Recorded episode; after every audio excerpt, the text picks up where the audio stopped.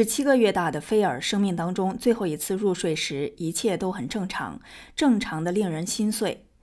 菲尔婴儿床的监控视频显示，穿着睡衣的小菲尔当时在快乐地玩耍，他的父母和妹妹以及他的双胞胎兄弟一起唱着儿歌。然而第二天早上，菲尔的父亲却无法把他叫醒。美国每年都有数百名看似健康的幼儿和学龄前儿童在睡梦中突然死亡，菲尔就是其中之一。菲尔的婴儿床摄像头整晚都在录制视频，而这些视频提供了线索：他的死因是癫痫发作。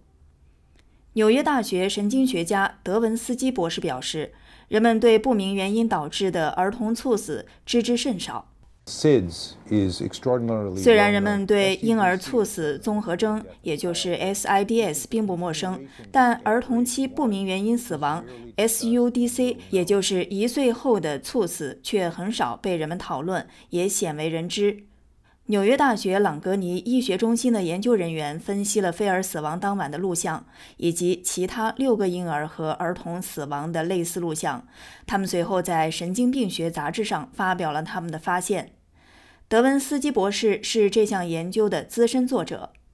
It's a little bit like 这有点像你是一名侦探，在试图破案。现在你已经有了可能的罪犯的视频。神经科医生说，他们发现睡眠期间癫痫发作至少是某些孩子猝死的潜在原因。A febrile seizure is a seizure event. 热性痉挛是一种癫痫发作的表现，可以是严重的抽搐，或者是轻微一些的抽搐，但它们仅限于是某种疾病，通常伴随发烧。对于儿童来说，这种情况应该会过去，并且是良性的。这些癫痫发作的症状不会产生长期的后果。对于绝大多数病例来说都是如此，但不幸的是，并非所有病例都是这样。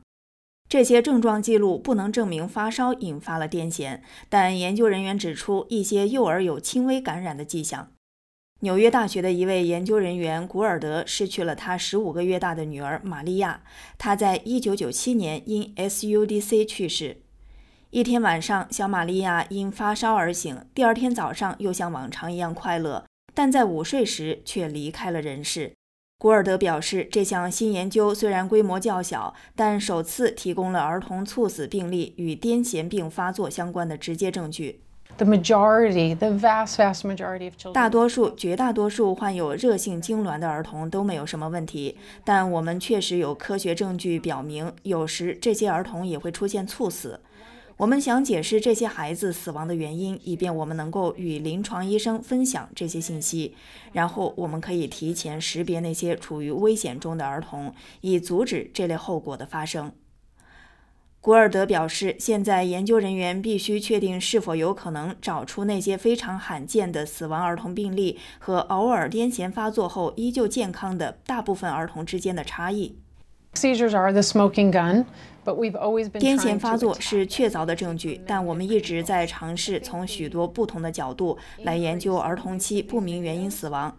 我认为，随着对这些婴儿床监控视频研究的不断增加，我确信还有更多我们不知道的事情。我们希望收到更多的监控视频，因此我们的视频样本量更大，我们的发现就能进一步得到验证，这非常重要。儿童不明原因突然死亡的案件在澳大利亚有时会成为头条新闻，其中最著名的案例就是福尔比格案件。他因被控杀害了他的四个孩子而在监狱中服刑二十多年。在遗传学和心脏病学方面取得科学发现之后，他成功对自己的判决提出了上诉。